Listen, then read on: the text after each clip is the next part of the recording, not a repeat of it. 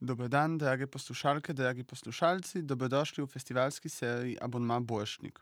Oglašamo se iz Maribora, sočasno s tekmovalno predstavo 54. festivala Boršnikovo srečanje, še ni naslova v produkciji slovenskega mladinskega gledališča.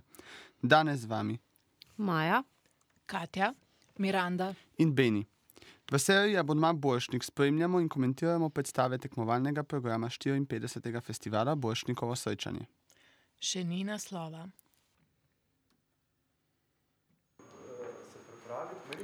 Tako smo v dvorani, kjer nas v bistvu v dokaj sproščenem vzdušju pozdravlja režiser in dramaturg predstave Tomi Janežič. Za njim igralec stane v bistvu riše oziroma pleska prehod za pešce, zebro.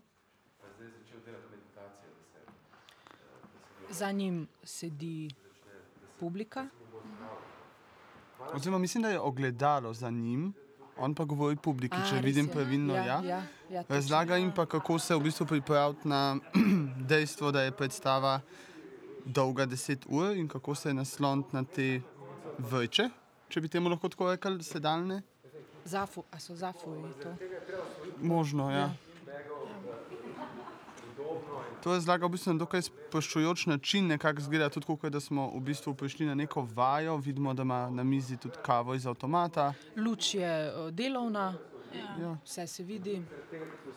Je pa stane uh, v neki tej rjavi delavski obleki. a ne, vse Kombinezonu, že, Ja. ja. Mislim, ni on oblečen kot on ponavadi je, verjetno. Ja. Aha, zdaj pa, Kostumno. Ja. oprosti, ja. zdaj pa v bistvu Janez že napoveduje ta Don Juanovski motiv in to je motiv osvajalca žensk, kjer v bistvu napove oziroma predlaga, da si publika napiše številko um, partnerjev, ki jih je v svojem življenju imela, ker ne bi bilo to pomembno v kasnejšem delu predstave. Bomo mi delali isto? Uh, napoveduje, da je v bistvu to nekaj, s čimer se bodo srečali tudi kasneje, kar pomeni, da na nek način v bistvu zdaj že napoveduje nekaj, s čimer jim um, vzbuja neko zanimanje, še preden se vse skupaj sploh začne. In sedaj na oder prihajajo igralci, ki se držijo za um, v bistvu nesrčno stran um, z roko. Aha, in zdaj razkrivajo v bistvu svoje številke partnerjev v življenju. Zanimivo, da jih imajo vsi, razen režiserja, kljub temu, da je naveden tudi on kot uh, igralec uh -huh. v predstavi. On se na to stališče ne postavi. Na, na srčni strani imajo nalepke igravci, uh, kjer so zapisane številke partnerjev.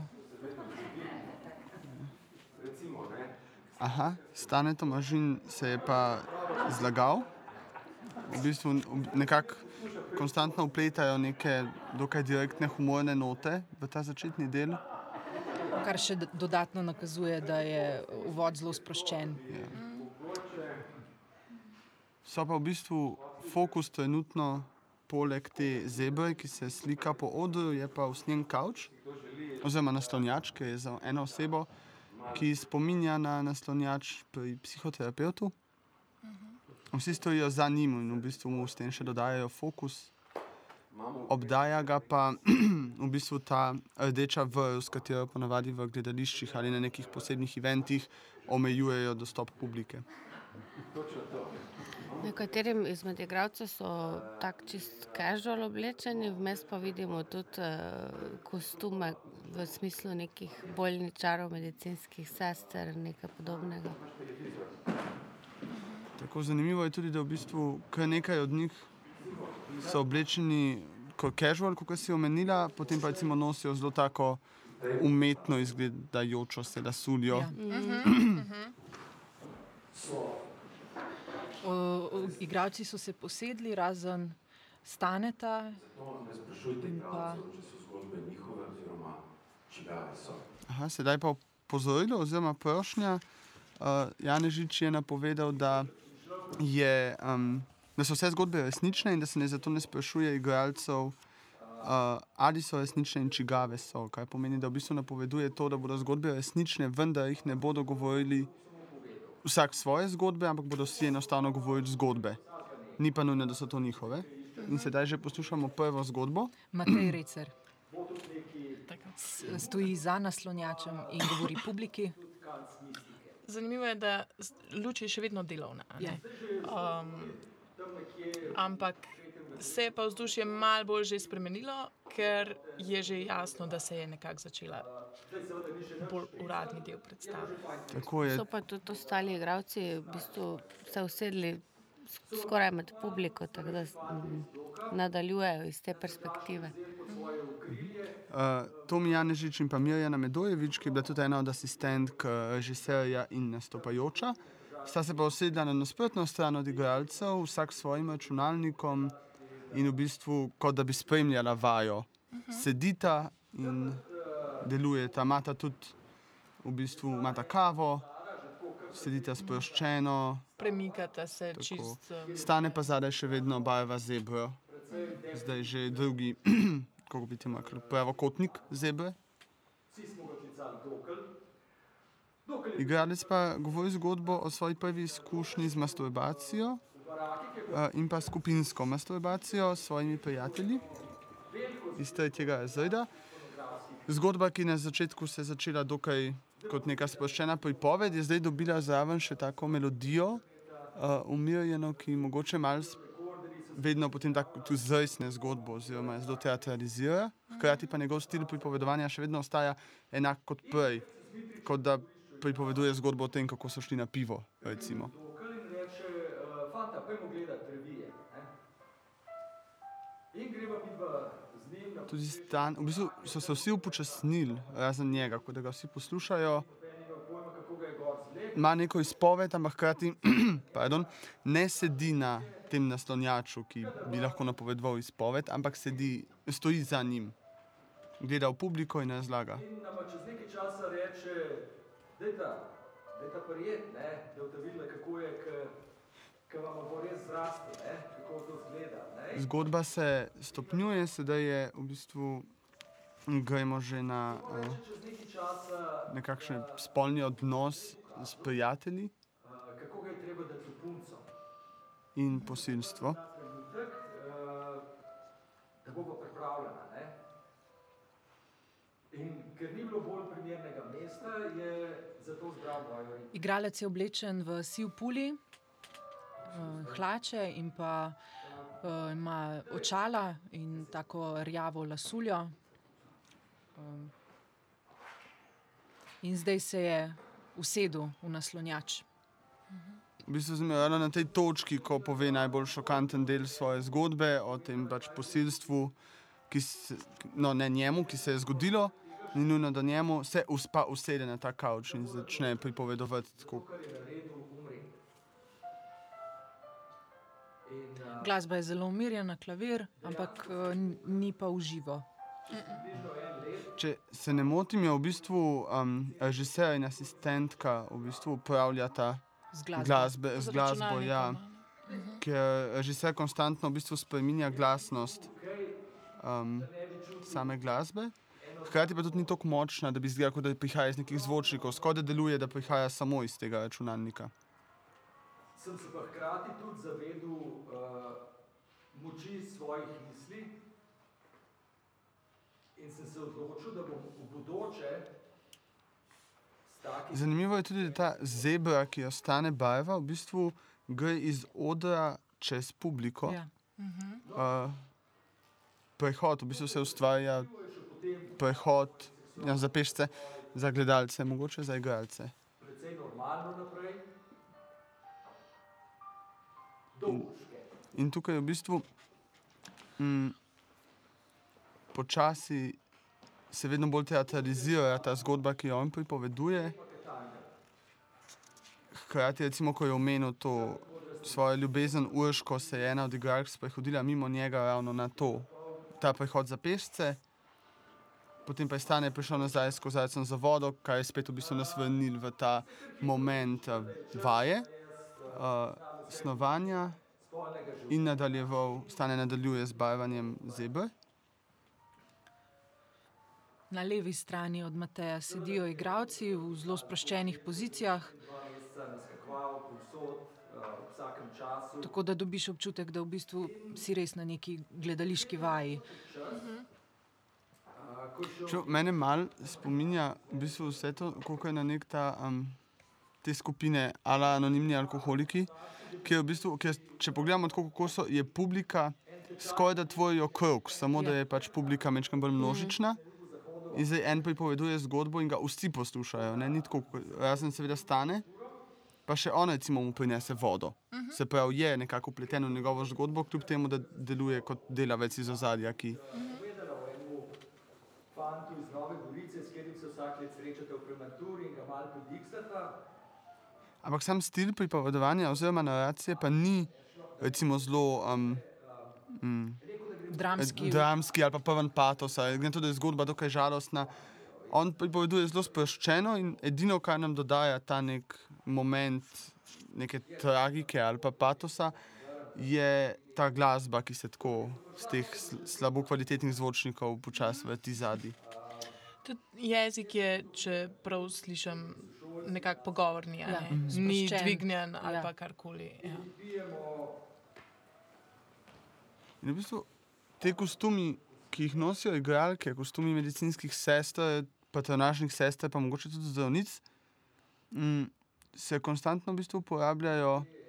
Tukaj je zdaj še čas, da nekatere samo sedijo, nekatere se pa okrog sprehajajo, kaj nas v bistvu vrže vsake toliko v nek ta cikl klinike uh -huh. na nek način, kljub temu, da nič okrog pa ne deluje kot klinika.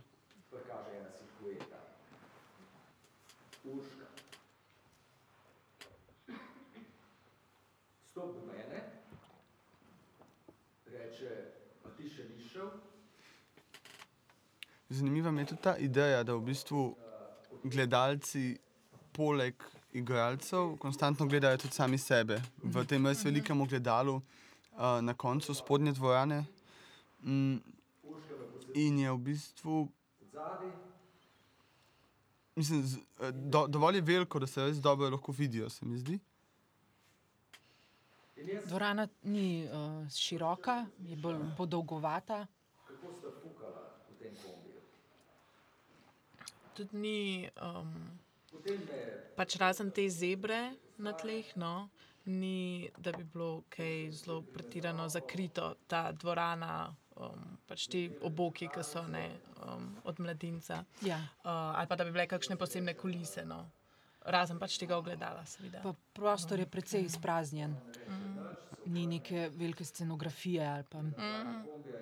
Hkrati pa tudi v bistvu gledamo, oziroma vidimo vse akvizite, ki jih bodo mogoče kasneje uporabili, nič ne skrivajo. Mm. Vidimo neko srajco, primirjeni pri računalniku so neki um, jopiči. Mm. Te, v bistvu te blazine za sedeti so tudi nekako tako postavljene, da kažejo na to, da bi se mogoče dal, da se bodo mogoče uporabile kasneje.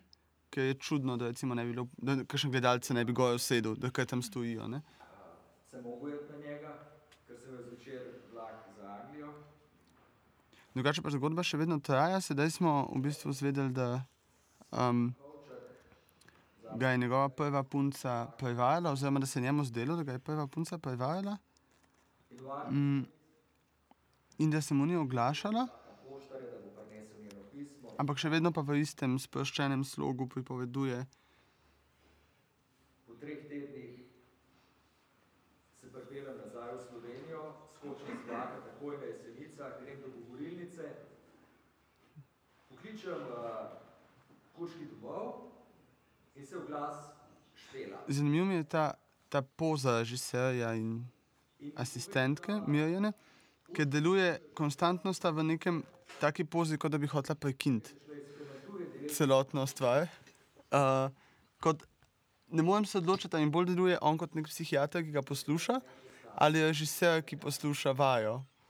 Uh -huh. V resnici. Uh -huh. In sam čakam, da je v bistvu bo rekel stop, gremo še enkrat. Ki bo pokazala vsaj nekaj zanimanja za me.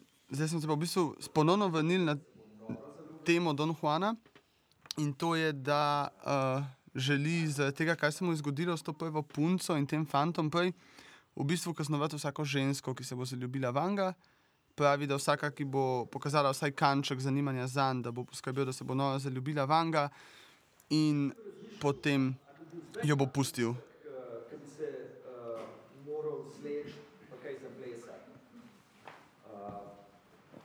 Zgodba je končana. ampak sem se odločil, mm, samo da vam bom spustil en komad. Igralec bo pa zdaj publiki spustil en komat. Ko- Samo kot zanimivost, izbor glasbe so ustvarjali, uh, izbrali, oziroma sestavljali tudi sami ustvarjalci predstave, se pravi, verjetno vsak zase. Uh, zdaj pa že slišimo pač priredbo um, pesmi Sound of Silence, uh, torej ne originalni izvedbi Simona in Garfunkla, ampak od, ja, od benda Disturbed, torej bolj uh, pač verzija, mlajša verzija tega, ki je tudi dosti bolj, ima dosti večji poudarek na patosu. No. Se mi zdi, da je Med musko pa igralec Matej še vedno sedi v naslonjaču in gleda v publiko. Mečkam se je zatemnila dvojana, se mi zdi. Ja. Čist, ampak res tako Ja. subtilno. Zdaj poslušamo to glasbo. Ampak recimo, uh, dogajanje se pa ni ustavilo. Ne? Igravci še vedno se sprehajajo gor in dol po odru. In zdaj je prišel Boris Kus in podal uh, Mateju ki. v roko.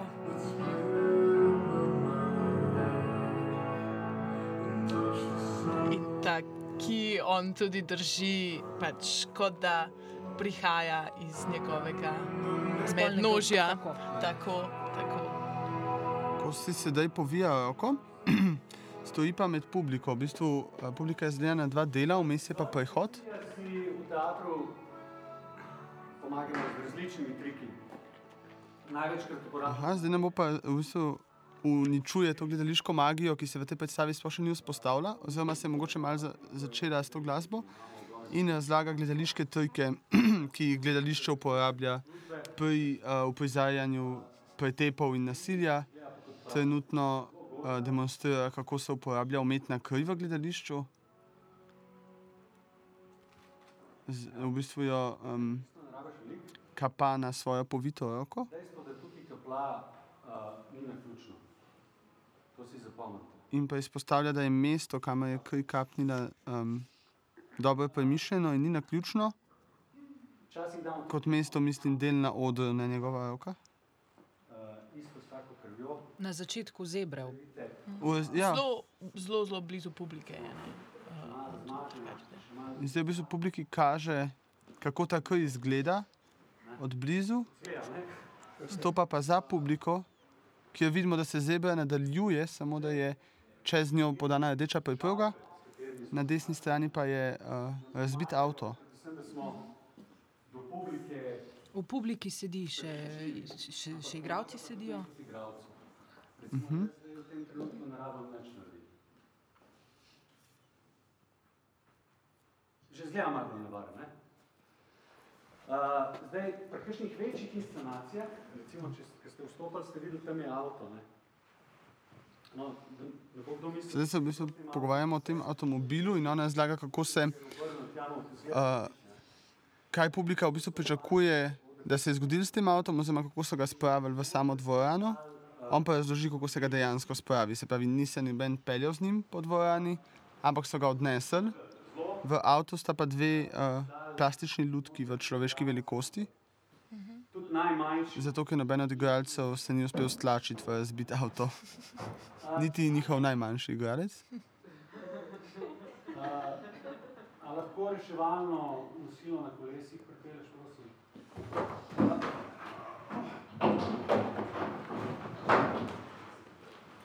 V bistvu smo zdaj presekali iz prejšnje zgodbe, ki je imela še mogoče neko navezavo na mm, Don Juana na čisto neko gledališkost in kako se to izvaja, in demonstracijo v bistvu. V bistvu ne, ja, že smrti nekoga, ker smo eno kaj uh, videli večjo, v katero se pospravlja trupla. Katero Čeprav bodo- je pa, Oprosti, kaj? Ne, je pa vseeno rahlo bolj komično. a Ne? Ja, Tole tako, vse ja. skupaj, kljub pač tematiki, ker vseeno vidimo lutko in ta neka plastična vreča. Tudi oni se malo posmehujejo. Lutka je zraven, tudi mislim. enako oblečena ne, kot igralec. Ja? Eh, Matija Vastalja. Ja. Uh, oba, o, in Lutka in Matija sta oblečena v jeans komplet, hlače in pa jacket, pa oranžna srajca. Um, zdaj uh, igralec Boris še eno lutko vleče ven, um, ženska Ki je lutka. pa tudi enako oblečena kot ena od igralka. Ja, Ja. ja. Mislim, da kot Anja Novak, če se ne motim. Možno je. In obe lutki zdaj vleče dol po zebri, po stopnicah. ampak zelo um, ne Okoljno. posveča jim preveč pozornosti in nežnosti. Ja, ja, tako. Stane zdaj eh, žensko lutko daje na nosila in sicer v sredini odra za naslanjačem, v- katerem še vedno sedi Matej Recer z kijem v roki. Zdaj pa, če si predstavljamo, da je ta avto res, recimo, drvel in v enem trenutku je zapeljal na, Zdaj se v bistvu spet vračamo k novi zgodbi. Zgodbi o um, tem avtomobilu in prometni nesreči, v kateri punca ni bila privezana. je verjetno v enem trenutku, če si predstavljamo avto, v ulično svetilko.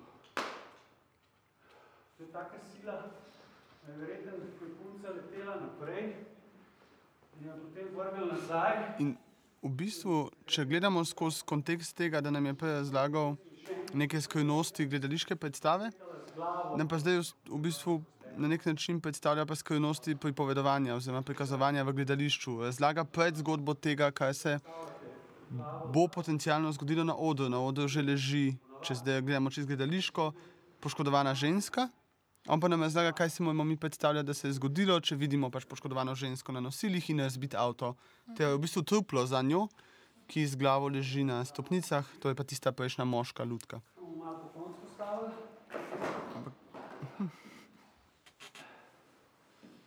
Tole recimo, Lutko je zdaj dvignil. Ustvaril ravno, ravno načelo, iz katere krvavi, s tisto barvo, ki je, o kateri je prej govoril. In deformiral desno roko. zelo čudno pozicijo. Um, In jo postavil nazaj na nosila, v, kakor sam pravi, čudno pozicijo. Lutka je na boku in uh, Boris zdaj še spušča kri na nogo.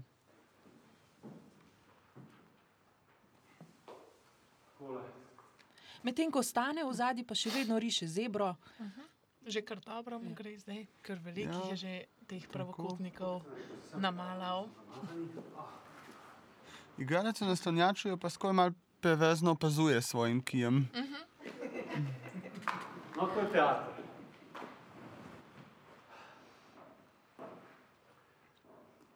Včasih smo pa nasilni tudi do publike.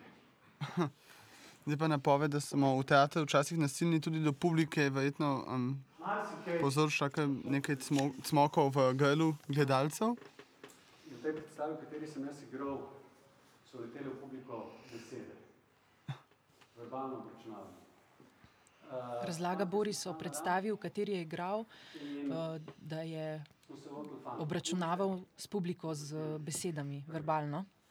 In sicer je Je pa cel čas malo napoveduje nekaj. Publika je zelo blizu igralcem, vsi so čist eh, med njimi, tako da verjetno res imajo malo občutek, ustvarja občutek grozeč. Se enkrat Ja, in hkrati je meni zanimiv ta moment, da mm, ni tega, recimo, če bi si kdo ne bi prebral nič o tej predstavi, pa da bi recimo rekel, da ne ve, da je dolga 10 ur, potem mm, v bistvu ni zgodilo. bi verjetno se ne bi toliko, mogoče publika obremenjevala. Tako pa Janežič že na začetku pride in reče, tukaj smo cel dan in zdaj neki igralec, ki stoji pred tabo in ti govori, kaj vse se da narediti in neka obračunavanja in nasilje in nelagodne zgodbe. In ti veš, v bistvu, da boš tukaj 10 ur.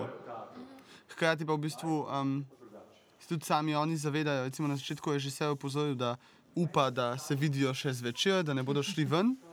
Mm. In meni je bila recimo zanimiva statistika, koliko ljudi do zdaj je odšlo ven, čeprav je že se na začetku postavi tezo, da še nihče.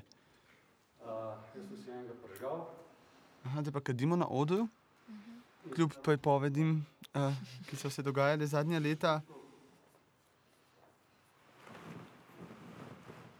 Zakaj s tako lahkoto v teatru kakšne stvari povem ali pa izrečem? Drugače pa kot zanimivost, um, lik Don Juana je drugače um, španskega izvora in izhaja v bistvu iz dveh likov. Don Juana kot nočevalca in zapeljevalca in pa Don Juana kot uh, razuzdanca, ki mrtveca povabi na večerjo. Mm, zdaj, prvi ga zasnuje uh, Tirso de Molina, ki ga zapiše v svoji drami, potem pa v bistvu tam ima nek tragičen konec ta lik, potem ga pa v bistvu v romantiki preobrazi Jose Zorila, ki mu podeli srečen konec. In od takrat uh, ima ta mit, oziroma ta zgodba je doživela več kot 150 predelav in je zato ena od teh večnih zgodb. Tokrat se pa v bistvu je lotila Simona Semenic za njih uh, in napisala dramski tekst um, na to temo. Oni so potem v bistvu ustvarjalci sami še pripenjali besedila s temi svojimi zgodbami. Zaenkrat v bistvu se Simonin tekst še ni pojavil.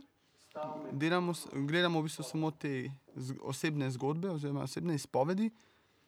In tudi ta v bistvu je enako kot prejšnja, povedana zelo sproščeno.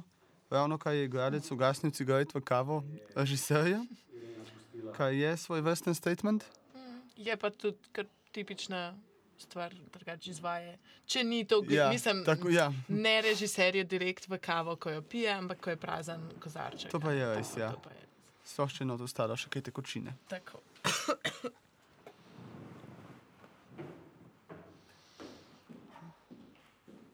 Boris je zdaj prišel nazaj na oder z še enim kijem. Oziroma, Isti ki isti ki, Isti ki. ja. s pištolo. In pištolo, ja. Imamo dva falična simbola.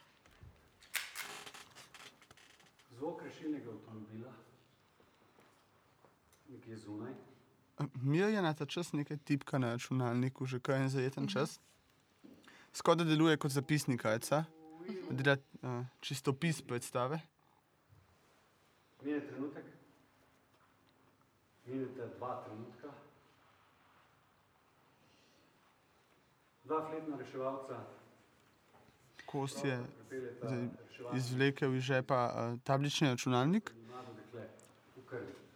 in nekaj bere iz njega, oziroma govori pa o zgodbi te ženske, ki so jo našli v krvi. Spola potem prihiti še medicinska sestra ženskega spola, reševalca in medicinsko osebje si izmenjujejo podatke o stanju, Stane bo pa kmalo do konca prišel, v resnici dvojane. razen pač to, da je stanje Matej še vedno sedi v naslonjaču. Nosila na poti čez oder. Tudi igralci v bistvu še vedno sedijo med publiko, med tem prizorom, recimo, se ne sprehajajo tako svobodno, kot so se prej. Bo vsak hip umrla.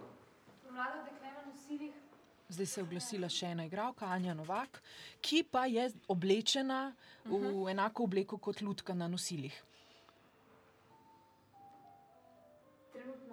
In pojavila se je glasba ponovno, klavirska.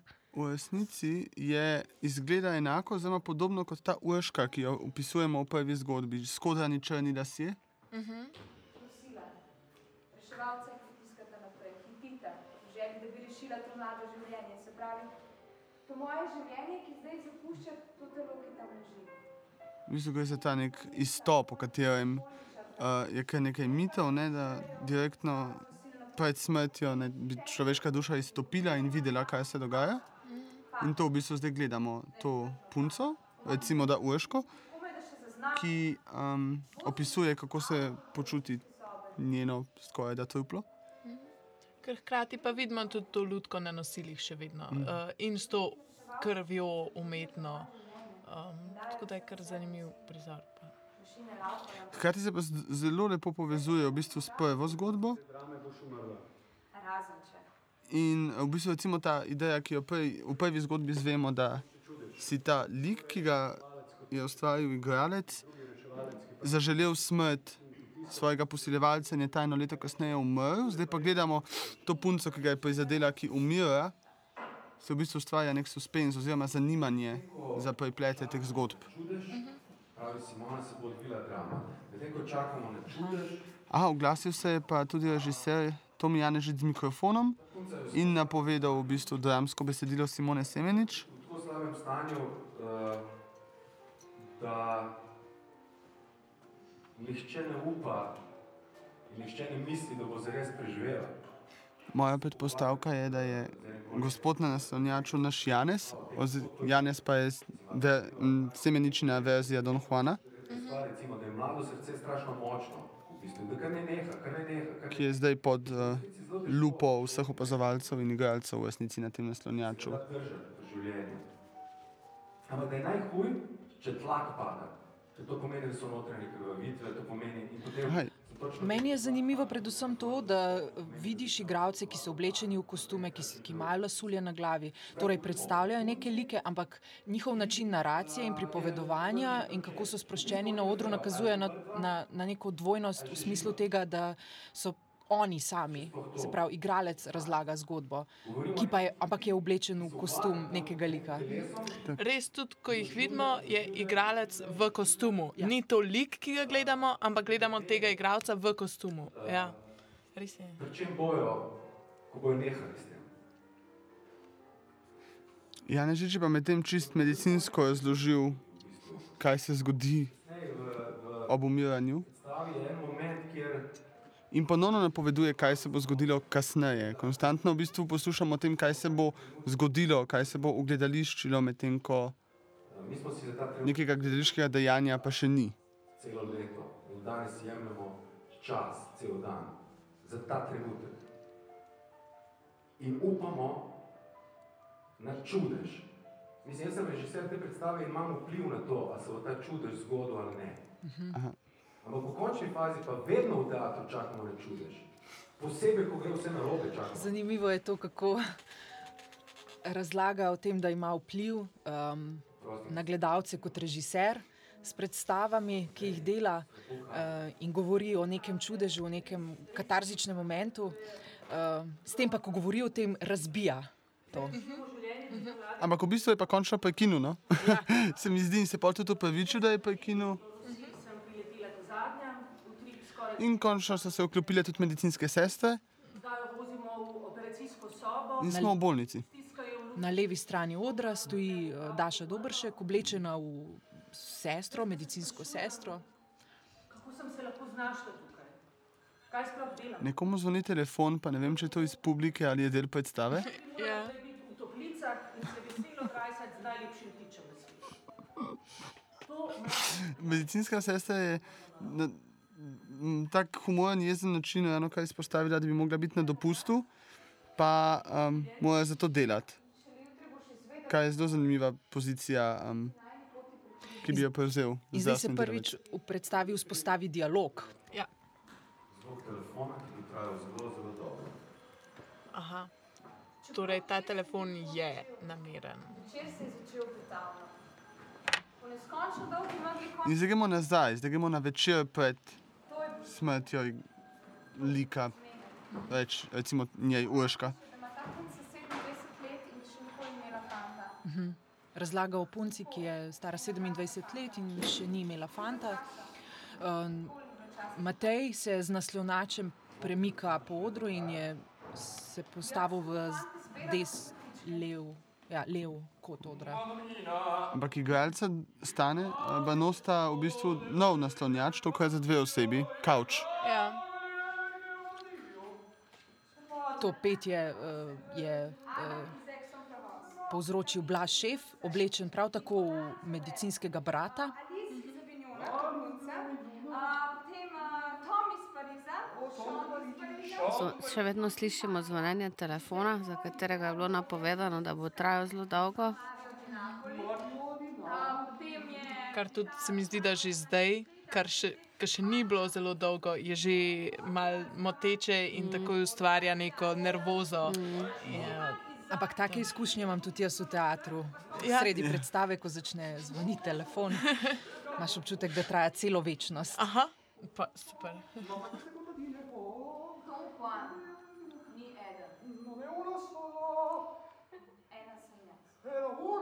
Don Juan ni eden, ena sem jaz. V bistvu, čeprav govorijo o Don Juanu, pa ona prevzema pozicijo Don Juana na tej točki. In obrne ta moment in se sprašuje, bi, kaj bi se pa zgodilo, če bi kakšen od teh kvazi Don Juanov pa dejansko ostal v njenem življenju in je ne zapustil. Oziroma ona zapustila njega.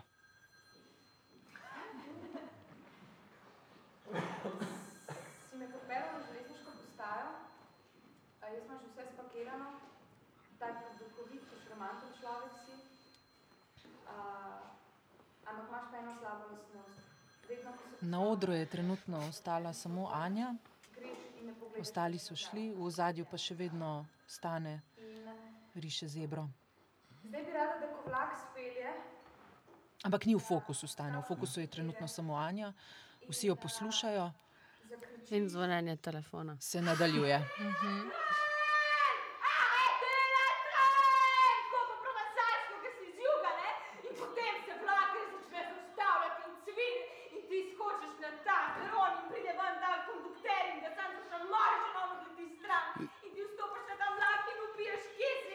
Ona tudi končno v bistvu večkrat bolj um, doživeto, oziroma gledališko ja. pripoveduje to zgodbo, neko fantazijo, ko si ona predstavlja nek odnos, ko bi šel on na vlak. Hkrati pa zanimivo, da uporablja svoje pravo ime, Anja. Ja. Um,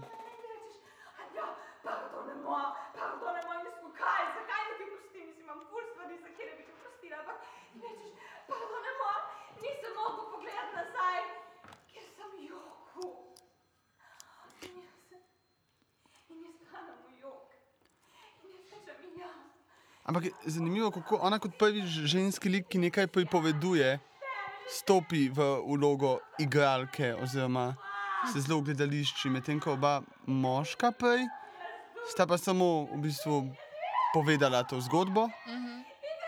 Ona je pa skoraj da že na meji histeričnega. S svojimi fantazijami. Medtem ko one dva sta bila dokaj umirjena v svojem razlaganju tudi nekaterih fantazij. In režiser se ponovno oglasi. In zdaj pa res deluje, kot da smo navajeni v resnici.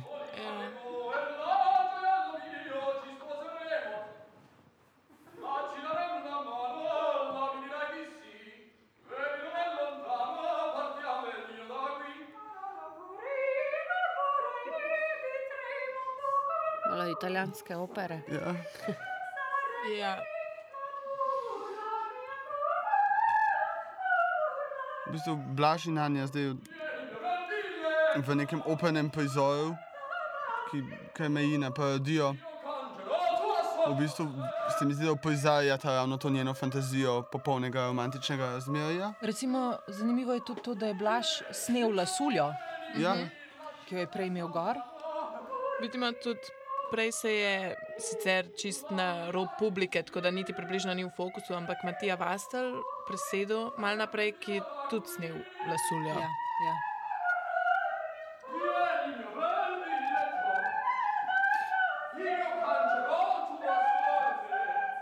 Ja, torej, tale operni prizor, ali kako bi rekli, pa tudi um, res z nekim pretiravanjem um, prikazan, komično, mislim, zelo rahlo komično. No. Um, in, ja. Ta ideja, v bistvu, da suli, se meni zdi, kot da kaže na to, da bo vsak gradec prevzel vsaj dva lika. Enega z lesuljo, enega brez. Recimo, Blaž se je pojavil z lesuljo kot nek medicinski tehnik brat, zdaj pa ljubimec brez lesulje. Um, kaj nekih igralcev, oziroma ja, trije so si do zdaj snedli sudje in prevzeli drug lik. Aha, bil je pa to drugač prizor, ta lači, da rem la mano, ne, ta, ko si mi dala roko. No, tako da je, tudi, je dejansko ljubezenski prizor. Mm -hmm. Sam, Zdaj sta na odru Anja Novak in Matija Vastel. Matija ima v levi roki črn nahrbtnik in sta, se, stojita na sredini odra in se poljubljata. Zvonjenje telefona se nadaljuje. Mm -hmm. Pa še vedno odpisuje na računalnik. Kaj je zanimiv moment, zato ker je vseeno tako blizu publiki, da skoraj ne, ne more ven z fokusa.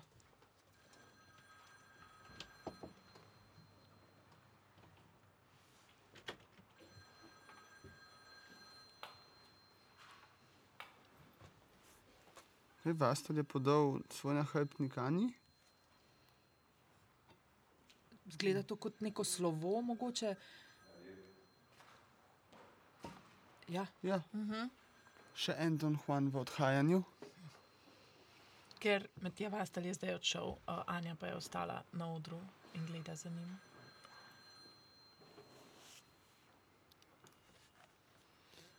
In zdaj umiraš. Aha, zdaj se je pa režiser oglasil. Z napotkom za igralko, Tako. Uh -huh. ki mora zdaj začeti umirati. Ampak ona se uklepa življenja in zato ne igra tega, kar je že se določilo. Ja, ampak smo skočili zdaj Ja. Ja, v sedanjost. Ne? Če smo bili prej v preteklosti, smo uh -huh. zdaj. Hotla sem umreti. Včeraj zvečer se mi je zdelo, da bi pa najbolj že kar umrem. Ja. In si sedela na fotelju v svoji garsonjeri, zavita v dekco. Kadila sem en cigaret za drugim, pa sploh nisem kadilka. Ne Ona se zdaj usede na naslednji kavč. Zvonjenje telefona je prenehalo, se mi zdi. Kar sem imela od alkohola. Ja. Pridružili so se medicinske sestre, v bistvu Ja. zdaj se mi zdi, da ustvarjamo ambient bolniške sobe. Tako.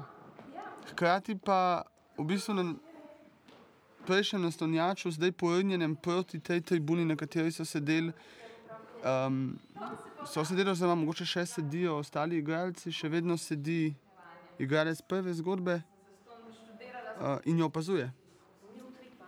In če nocoj ne umrem, lahko prosim, Okoli Anje je pet igralcev. če se zgodi. Prinesli so kar nekaj uh, medicinskih pripomočkov, defibrilator, stojalo za infuzije, nade, nam, nameščene imajo tudi maske. Govorijo o mojem tlaku, ki pada. Pada, nezadržno pada in tudi ta medicinska sestra tukaj, pojočno čudež teče v ambulanciji. Ampak nobena od naprav, ki so jo prinesli, od metuljčkov za transfuzijo do merilcev pritiska tlaka, ni uh, priklopljena na njo, samo so tam kot uh, ključ, simbol branja tega, kjer zdaj smo. Jaz rada žrem. če se ne motim, je pa stane vmes že končal to zebro. To je moj užitek. Ja. Ja, skoraj do konca je prišla, v bistvu zebra ni pa čisto do konca. In ponovno zvoni telefon. Nisem izbirčna. Najraje pa žrem meso. Oglasila se je Daša Dobršek in je izstopila, uh, vstala iz kavča in šla na levo stran igralcev. Govori svojo zgodbo. O tem, katero meso rada je. Ja, Kaj je spet tako zanimiv kontrapunkt temu, da v bistvu ni vzpostavljena to njena pozicija, zdaj je medicinska sestra, ki bi mogla pomagati umirajoči ženski. In ona se odloči nekaj drugega povedati, in ponovno se začne ta ista glasba na klavir kot na začetku, in je fokus v bistvu zdaj na dveh delih: na zgodbi medicinske sestre in na stanetu, ki pripravlja defibrilator za umirajočo Anjo. v bistvu se vsi, uh, ki so oblečeni v, medicinske sestre in brate, nekak, nekako pripravljajo na oživljanje. V slow motionu. Tako. Ja. Ja. je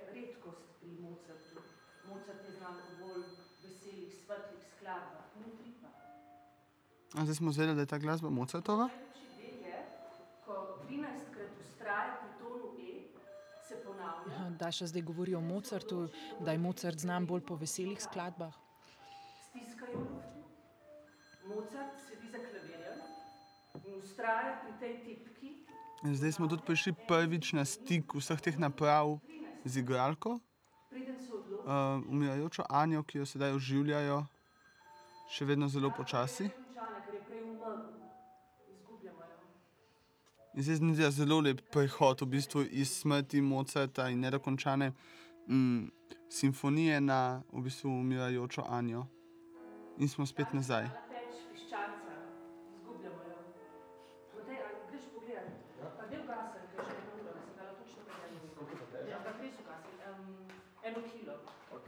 V bistvu neko tako um, skoraj da propaganda za preobremenjene medicinske sestre, kom, oziroma pa žensko, kako kombinirati kariero in biti uh, uspešna gospodinja s svojim možem.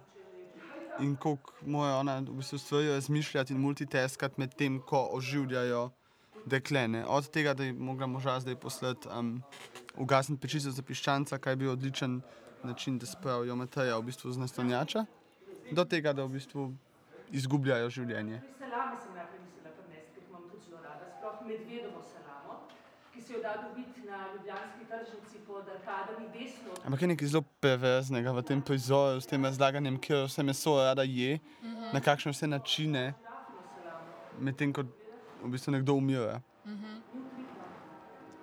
In zdi se zelo zadane. Empatija je precenjena. E, ja, empatija je precenjena, se je sama povedala.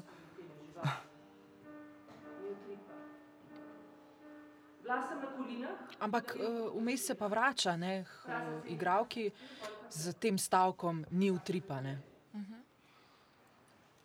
Potem pa spet nadaljuje zgodbo s svojimi zgodbami. Zdaj pa um, so torej, ta cel del na kavču z Anjo in vsemi medicinskimi sestrami in brati, poleg nje so odšli, torej to oživljanje se je prenehalo. Um, In na odru ostala samo Daša Z režiserjem. z režiserjem. Ja. Tudi je, Mirjana je odšla. Zdaj pa se počasi vračajo. Oziroma, vračata se Blaž in stane, da odneseta Kavč. kavče. Potem čez oder pripotujejo neke čudne, viseče Mirjana je vzela mikrofon, medtem ko, ker se je zdaj pojavila iz druge strani. Ja. medtem ko eden od igralcev, zdaj ne vem kdo je, ker kaže hrbet, napeljuje um, zaščitni trak čez cel oder, po dolžini. brez notranjih organov, prištimani so direkt za vlomec ali kolo, Medtem ko medicinska sestra še vedno v bistvu meša zgodbo človeškega življenja s kuhinjo eh, pohane piške, piščančje pečenje. In pa o piščancu, ki naj bi ga jedla danes večer tekom predstave. Za tem pultom stojimo štiri delavke. Pet delavk. Pet smo delavk. Oblečeni smo v bele delovne obleke, Oblečene smo v bele, pazi na mene. Bele delovne obleke. Bele. oblečeni smo v bele delovne obleke, To je Mirjana, ja, ki govori na mikrofon. Tale zaščitni trak je pa visoko nad njihovimi glavami, razpotegnjen čez celo dolžino odra. Zdaj le na odru imamo staneta v bližini publike, ki ima televizor v roki. Po odru se sprehaja Boris Kos z neko škatlo, plastično. Transportne, Pa meni je zanimivo to, v bistvu, da se um, recimo Mirjana zdaj prvič govori v predstavi. Ampak govori kot igralka, ne pa Ja, kot, kot igralka. Ja. Hkrati jo pa nekdo, nek glas v ofu, konstantno popravlja njen zelo markanten naglas, ki ga ima. zaboj, ga na Kot, in tudi deluje, kot da se uči, kot da smo na, prvič stopili na oder. In sedaj je nek pritisk na njo, medtem ko se dogajajo neke priprave okoli nje. piščančja trupla Vmes je stane na televiziji prikazal, v bistvu na enaki televiziji, kot je bilo prej obvestilo, da so vse zgodbe resnične, je prikazal posnetek um, neke piščančje farme, v bistvu neke je, um, industrije živalske. zaboj. Eno bedrce, drugo bedrce, fju No, kaj bo, da se je zgodilo? Mislim, zgodi. Aha, zdaj so še, še ostali igralci oglasili iz publike, če se ne motim. Ja, tam pri avtomobilu, ne? Ja. Aha. Sodelavke. Oblečene v neke vrste mesa, mesarjev. Veš, koliko tičev. Mhm. In Daša je zdaj uh, prijela za roko Natašo, ki se je oblečena v mesarko in jo pele dol po stopnicah. Nataša ima uh, lasuljo, kapco za lase, predpasnik bel, dolg in jo postavlja na, In potem v sprednji del odra. No? Ek sem vedela, da ne bo nič. Ja, Ja. kako si pa lahko kar vedela? Kako je lahko kar vedela? Zmeraj ve, zmeraj je najbolj pametna. Tako je vedela. Zdaj pa nič ne odgovori, samo smeje se. Mm, ampak si slabo vedela. Eno bedrce, drugo bedrce, fju, v zaboj. In se spet smeje. Ne vem, a se zdaj smejem zato, ker mi je smešno, ali se smejem zato, ker vem, da bo sledil dolg Nataša je nekaj pogledala na telefonu, sedi uh, prizora, Mirjana še vedno pripoveduje, Vprašala bom to pa ono, ker se spodobi. Ne pa zato, ker bi me res zanimalo. Piščanci, piščanci, piščanci in nimam kam. Moram sodelovati. Še vedno v tekstu um, skačemo med temi piščanci, hrano in neko osebno zgodbo, ki je vmes pripovedovana. je pa to tudi prva zgodba, ki dobi mikrofon. O tebi, Mirjana govori v mikrofon, o tebi se ne morem pogovarjati s svojimi sodelavkami. Ne morem jim govoriti o najnih posebnih V dogodivščinah. predstavi drugače nastopa še en režiser, um, Daniel morem ki je bil poleg Mirjane tudi v bistvu asistent režije Tomijo. in na noben način ne morem povedati, Božanski. Jaz bi se kar poučila z njim. Tega sretno. Daj, no, mal ti pomigaš čevapom, ti bi se pa kaj poročila. Poročila pa ne moreš zaradi tega, če vam celega žara zakuha. Daša je zdaj odpeljala Natašo nazaj po stopnicah, medtem ko se je na oder sprehodila še ena igralka, ki hodi proti Mirjani, oblečena tako isto v mesarko, na glavi ima belo lasuljo in ta igralka, če se ne motim, je potočnjak, draga potočnjak. Ja, res. Težko jih je prepoznati tako z lasuljami. To sem imela narejeno v 40 dneh. Mislim, uh, režiser je tu na druge, lahko si predstavljate, kdo je bil v tistih časih režiser, ampak pravzaprav zdaj sem se malo zmedla, ker zdaj je to že ene 30 let in zdaj, ok, to mi zdaj že maha, ok. Uh, ampak, režiser, kot sem rekla, je tu na njih, Aha, Draga zdaj v bistvu pripoveduje, se ponovno vračamo v ta proces ustvarjanja predstav premiero. in razlaga o nekem režiserju izpred 30 let.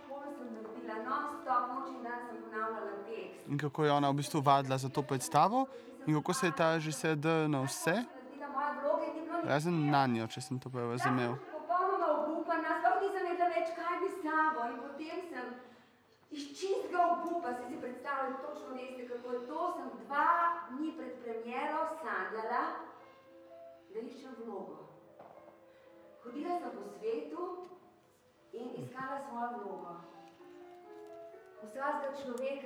Draga razlaga, kako je iskala svojo vlogo, vsako kaj v bistvu spet lepo korespondira z to samo predstavo in iskanjem vlog, ker zaenkrat še noben od njih nima neke stalne vloge. Mirjana še vedno stoji z mikrofonom v roki, ni šla dol z odra in pa zraven sedi na stopnicah, na levi strani Boris Kos. Ampak v spredju je pa uh, draga svojo zgodbo. A katera od vas prepozna to, to napravo, ki je čist na začetku pred odrom, je to tehnica, ta stara? Možno, ja. Ne, meni zanimivo. Je, je neka zadeva, kjer se vidi samo v bistvu nek pravokotnik in štango, nekako do, koliko bi bilo to, en meter visoka zadeva. Mhm. Um, ampak se ne vidi čisto točno, ja, kaj to je. Zanimivo, na oder je prišel tehnik, ne? Mhm, ja, ja. mojster za zvok, mislim, da. In zdaj sedi in jo gleda. Pripeljal ga pa je Tom Janežič iz tonske kabine. In Tom Janežič mu je nakazal, in on je šel nazaj na svoje mesto. Draga se je pa medtem um, Usedla na trak trak, ja. Tak, ja. In hodi proti publiki, tako da v bistvu še vedno sedi na, oziroma um, ima trak med nogami Tako je. in, in igra, zopet zelo teatralno. čez kogar bi šel tele čez razstavišče in čez cel svet in še potem naprej v vesolje. Razlaga pa o svojih sanjah, kako išče vlogo. Ja, kako je potovala po svetu Tako. in iskala vlogo. Zelo doživeto razlaga. Ampak Simona pa prav pove, ona reče, panička, zato ker sam skrbu se, lingamo se vem, kaj gre, se reče srebrna paličica.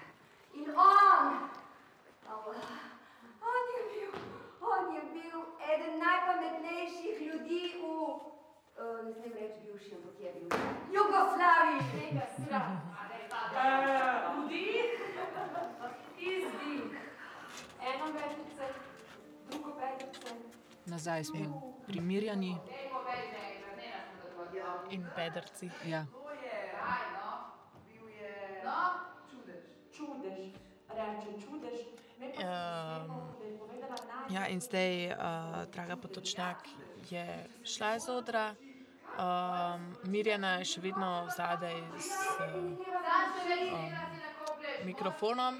Aha, ne, zdaj se pa v bistvu pogovarjajo tri mesarke, oziroma tako bi lahko rekli. Ja. Ampak v rokah držijo pa tekst. Tako, tako. Tako da imaš še dodaten občutek, da si na gledališki vaji. In se smejem, in se smejemo. Aha, s tem, da, sta, s tem, da je Nataša na odru, um, drugi dve sta pa pri v bistvu vhodu v dvorano, poleg tega avta uh, razbitega, ki smo ga videli prej. Draga potočnjak in pa Neda Bric, sta ostali dve mesarki. To je tekst od Simone, verjetno. Ne rečem nič, tudi smejem se ne več. Ampak njen je, Ma, ne, njen, moj, tvoj, si so isti. Niso vsi isti. Niso vsi isti. on ni, on je, on, on je, on je. Včeraj se sploh nismo nameravala videti. In potem. In potem je kar potrkal na vrata. Vedel je, da mojega moža ni doma, prišel je in Mož, ko, če prav razumem, Nataša in Mirjana isto zgodbo razlagata, si izmenjujeta. Promet na odru je zdaj kar velik, pojavijo se ostali igravci z blažem šefom na čelu in se premikajo svobodno po odru. Ni neke o, klasične dramske postavitve igralcev na odru, sploh ne. Hodijo gor pa dol zelo sproščeno, tako da imaš spet res občutek, da si neki na, na neki vaji, bolj kot ne. A, zanimivo je tudi to, da je uh, na levi strani sedi pa šepetavka, tudi tako uh -huh. Ja, osvetljena in s tekstom v roki. publike, ne. Ja. Ampak je tudi, mislim, uh, zgleda, kot da sledi tudi tekstu, oziroma mislim, temu, kaj se dogaja z neko delovno nalogo. Ne. Mislim si tako goreče, tako neskončno goreče zaželela umreti. O moj bog, te prosim, naredi, da umrem. Anjin lik še vedno ni umrl. In ponovno se pojavi zvonjenje telefona. Želim umreti, jaz ne želim več živeti, nočem več tega, ker preveč boli. Ja, razlaga, da, da si želi umreti.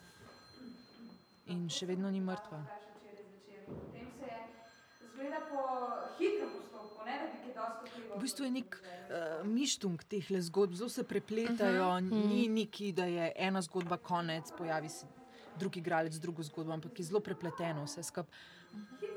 Ampak hkrati je pa tudi dosti jasno, ko pride Anja ne, Ja. aha, in ima pač tudi to obleko in lasuljo smo si zapomnili. Ja. Ja. Da zdaj smo pa tukaj in se v bistvu niti ne sprašujemo, zdaj, kaj, preveč, kaj bi se dogajalo. ne. Da se pojavi nekaj opremljivega. Ne? Ja. Lepa, ej, Winehouse je da, pa kratko pej, razumeš pa? Vsi so fulni, ker tukaj sploh ni Aha, razlaga o tem, da vidi uh, te znane glasbenike, ki so umrli pri 27 letih in zanimivo njen lik je tako isto 27 let star, stara punca. je je.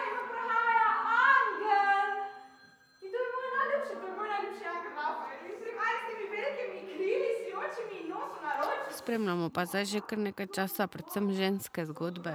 Ja. Um, Če smo začeli z je moškimi, tako. Pa smo zdaj prešaltali malo več na ženske.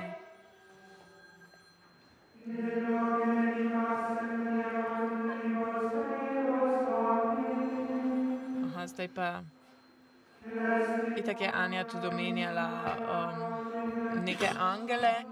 Um, in zdaj slišimo tudi uh, neko crkveno petje, in um, prišla sta na oder uh, Blaž, Blaž šef, ki v naro- skrili angela, um, ki pa nosi v rokah um, Matijo Vastla. Matijo Vasla um, V kopalnem plašču. Tako, v belem.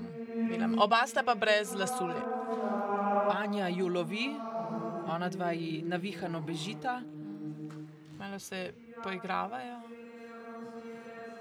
Vastel je oblečen v bel, bel kopalni plašč. Aha, Blašev ima pa samo krila, nič, nič drugega. Ja. ne.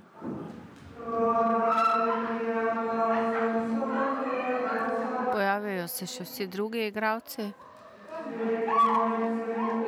Spominjajo na angele, eh, tečejo, Anja jih lovi, po odru se spuščajo beli baloni. A, Oni malo tečejo in z rokami nekako nakazujejo igrivo to um, plahutanje kril. ne, um. Tudi pojavili so se neki beli baloni na odru, ki so jih igralci prenesli v vrečah in um, se zdaj prosto po uh, odru. Vmes se dotikajo po parih, Objemajo, objemajo, tudi po- Aha, zdaj pa je Tomi zaprl prehod med odrom in publiko s to rdečo vrvjo, ne, ki je tipična. Kam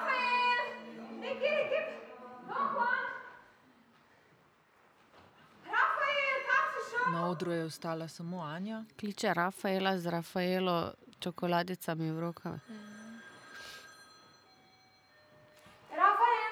Aha, zdaj smo tudi nekako zvedeli, kaj je ta predmet, o katerem smo se prej spraševali na odru. Um, uh, in sicer je kot nek domofon. Ja. No. A, oziroma, vsaj trenutno tako deluje. Mogoče, seveda, ni nujno, da bo to vedno domofon. žal, da sem grešila, da sem si želela umreti, ne bom nikoli več. Kaj se je pa zgodilo? A, a, Rafael, a je on mrtev?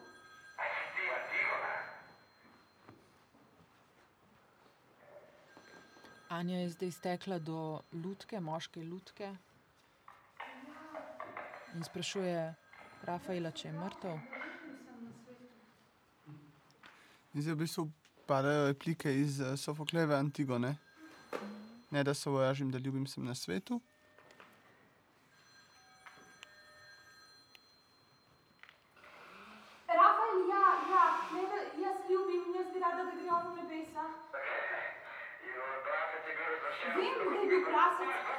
domofon do Boga, mogoče tole?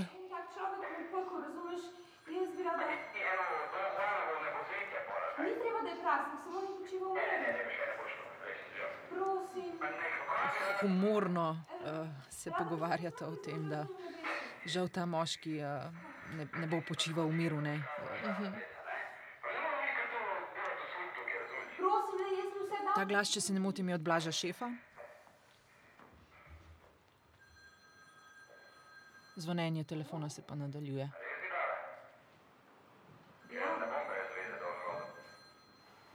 Res bi dala.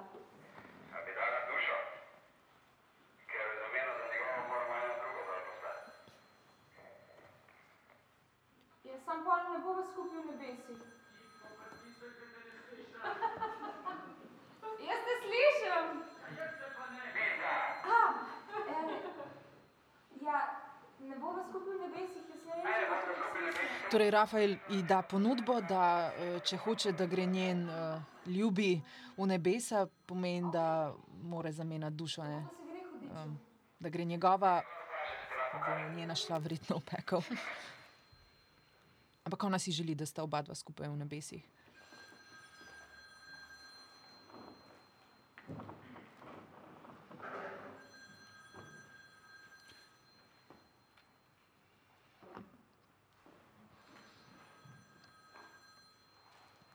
V bistvu jo unično čaka pred domofonom škatlo Rafaelo mm, pralin.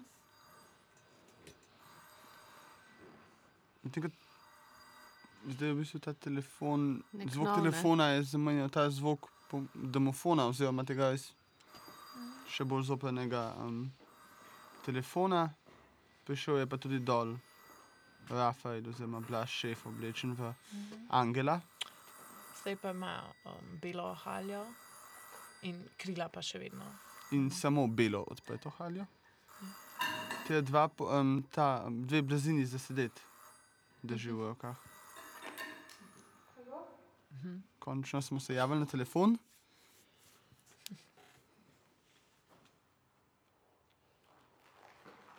Telefon ni mobitel, ampak uh, stacionaren domač, starinski. Pa prav telefon. starinski, a Ja. ta z okroglo številčnico. Na rdeči vidim. blazini. Uh -huh, uh -huh.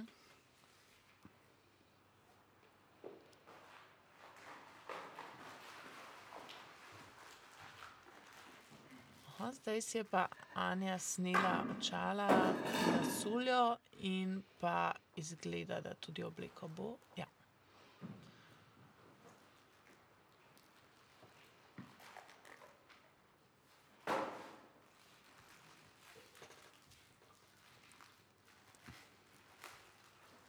Rafael je pojedel Rafaelo. Tudi Anja.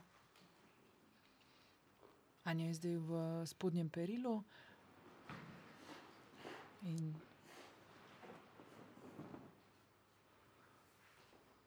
se je slekla do golega.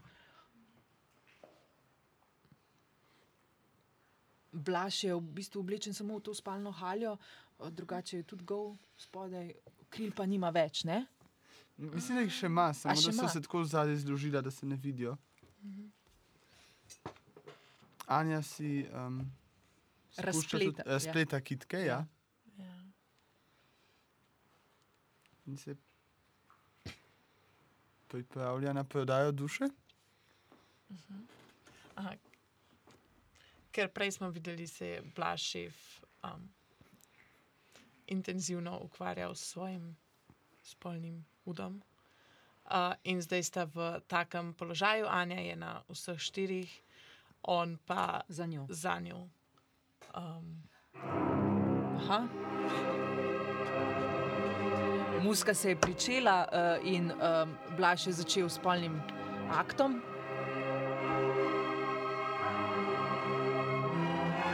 To v bistvu direktno pred publiko, na tribuni. ja. Ostali igralci čisto hladno, hladno spremljajo. spremljajo dogajanje.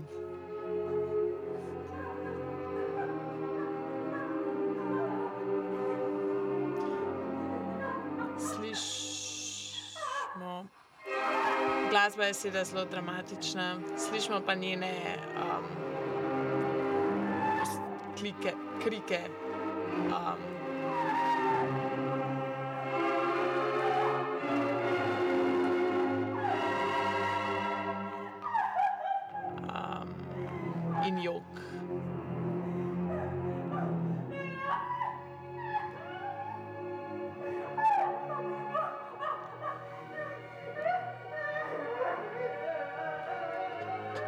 Tukaj je v bistvu tudi verjetno eden prvih bolj intenzivnih momentov, kjer se publika zaveda, da bo vsako dejanje trajalo, kot je napovedal režiser na začetku. Za vsako stvar si bomo vzeli čas.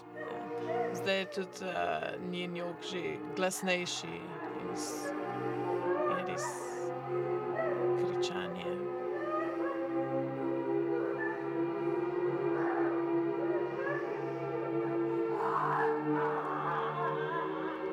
Stvar postaja vse bolj agresivna in v bistvu vse bliže v obraz publiki. Ker ja, zdaj je tudi um, Blaž vzel, od, odstra, vzel njene lase v roko in s tem razkril njen obraz, ki je. um, Sam pa hkrati no. pogleduje publiki. Ne? Tako, tako. Ker intenziven in mučen prizor. Rekla.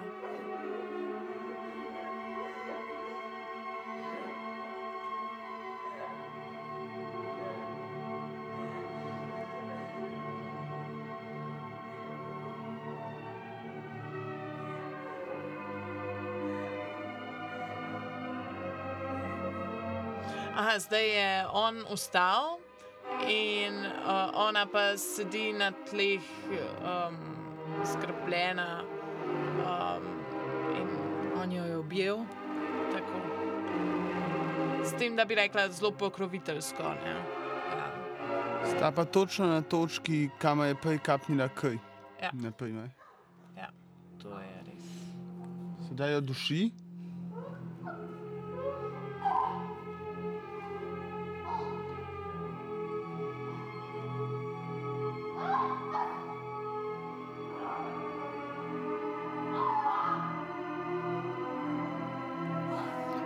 Ostali igralci še vedno popolnoma neprizadeto spremljajo.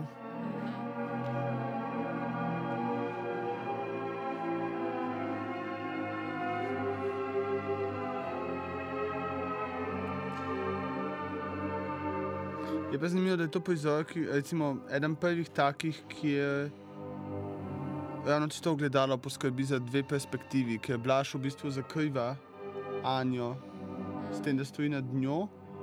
Lahko gledamo v bistvu prizor obrnjen s hrbtom ali pa v gledalu in v bistvu ta frontalen pogled.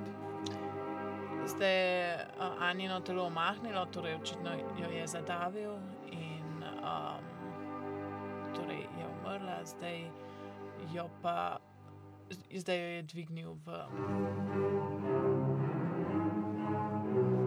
In jo nosi čez oder. Med bele balone.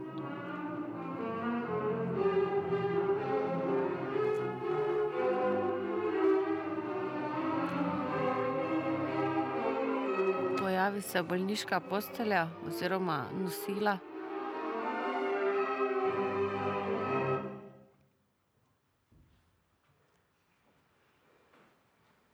In tišina. On jo je odložil na ta nosila, na to bolniško posteljo.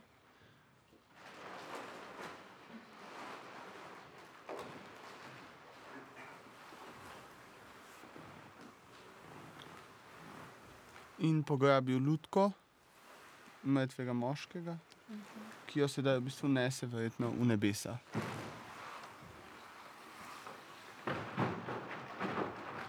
Kaj pa je po stopnicah gore nad publiko skozi izhod. Boris Kos pa bo verjetno odpeljal Anjo. Oziroma, on pač stoji zraven te bolniške postelje. Vzdušje se je čisto spremenilo, zdaj je popolna tišina, tudi trak, recimo, ki je bil razpotegnjen čez oder, se spušča. In dobiš občutek, da gledaš predstavo, no? da nisi več na neki gledališki vaji. Mm. Tudi o tem ni bilo nobene lahkotnosti ali pa sproščenosti ali pa karkoli od tega, kar smo prej gledali. no, ja. Zdravnica med tekom poboža mlado dekle po roki. Medicinska sestra teče in razmišlja o tem, kako je bo to mlado dekle umrlo na roko. Ponovno smo se vrnili k umirajočemu dekletu.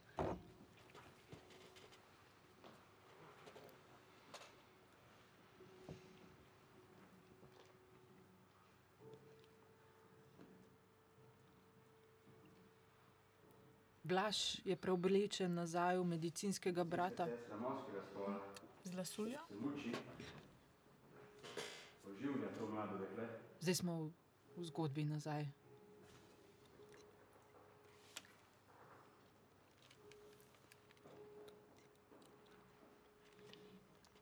Anja se je dvignila iz postelje in hodi proti Blažu. Po traku, ki je zdaj na tleh, v ravni liniji, In nekaj zamrmra. Ne vemo točno, kaj reče. Nekaj kot... Če bo Bog dal. Ali pa. Anjo so posedli v naslonjač, tam, kjer je prej Matej sedel na začetku.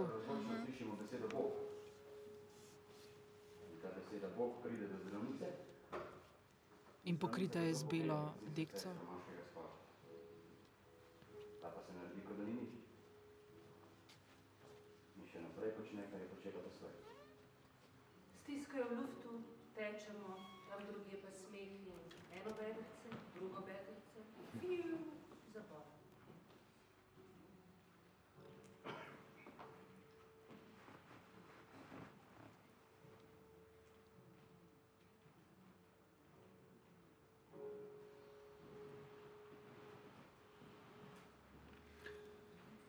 Blaž je odpeljal nosila, na odru pa ostajata medicinska sestra in Anja.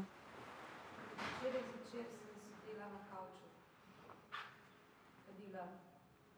In Anja se vrne nazaj na prvo zgodbo, o kateri je govorila, kjer si njen lik želi, da, da, da bi umrla. Jaz ne želim več živeti. In če je prej razlagala o tem zelo sproščeno in doživeto in duhovito, je zdaj uh, popolnoma obrnila ploščo. Tudi mi imamo zdaj, zdaj to doži, doživljamo in dojemamo na čist drugačen način, kot smo prej. Kadi, pije rum s flaško in noče. Na vratih Potrka samo zato, ker trkanje po vratih lepše zveni kot predvidljiv tisk domofona. In v gledališču imamo raje lepše zveneče reči. Trk po vratih torej. Tok, tok, tok. Mlado dekle ga skoraj ne sliši, potem trkanje postane bolj glasno. Tok, tok, tok, bolj glasno. Ani se približuje Matija, medtem ko Boris se zlaga o tem, da je trga, trkal po vratih, kjer imamo v gledališču rajši trkanje kot zvonjenje. Gospa Jolanda! A ni malo pozno?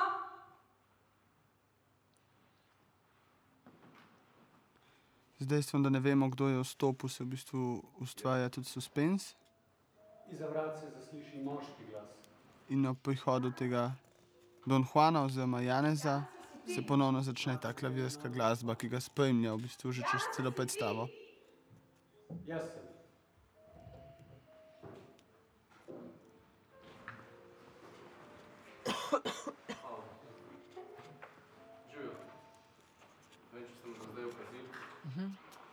Prvič se oglasi. Stane, ki pove, da, da igra reševalca, številka ena. S tem, da trenutno je oblečen v ta rjav delovski kostum. In v rokah ima televizijo, na kateri piše pauza. Aha. Aha, reševalec številka dve in odrski delavec številka ena. Sta oba obe nemi vlogi. Tako. Jaz sem igralec, jaz moram nekaj povedati. No. Zdaj pa se oglasi stane in razlaga o tem, da je igralec in da si želi nekaj na odru povedati in delati. S tem pa je spet malo lahkotnosti se povrnila. ne? Tak prehod je spet v malo več sproščenosti. To može blaš, neko v redu. Kaj pa če bi jih sam povedal, se drugi tudi govorijo o didaskali. Vsake stane ne, ne, ne, ne. Boljše, če si tih.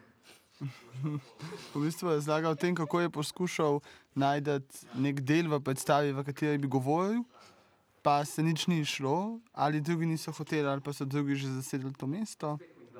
Tako da, kot kaže, bo stane govoril med pauzo. Stane ne. Stane, če, si, če imaš že problem, lahko poveš, kako si frustriran, da nimaš teksta. To lahko. Ampak še enkrat poudar, da si nema vloge. Ampak vse nisem dal miru in sem težil in težil, vsake stane v redu. Lahko med pauzo pokažeš, kaj si naredil v procesu. Mislite, da v bistvu stane lahko med pauzo pokaže, kaj je naredil med procesom. Vabljeni čez 15 minut gor, stane tu. Hvala, ker ste bili z nami v prvem delu. In to je zaključek prvega dela.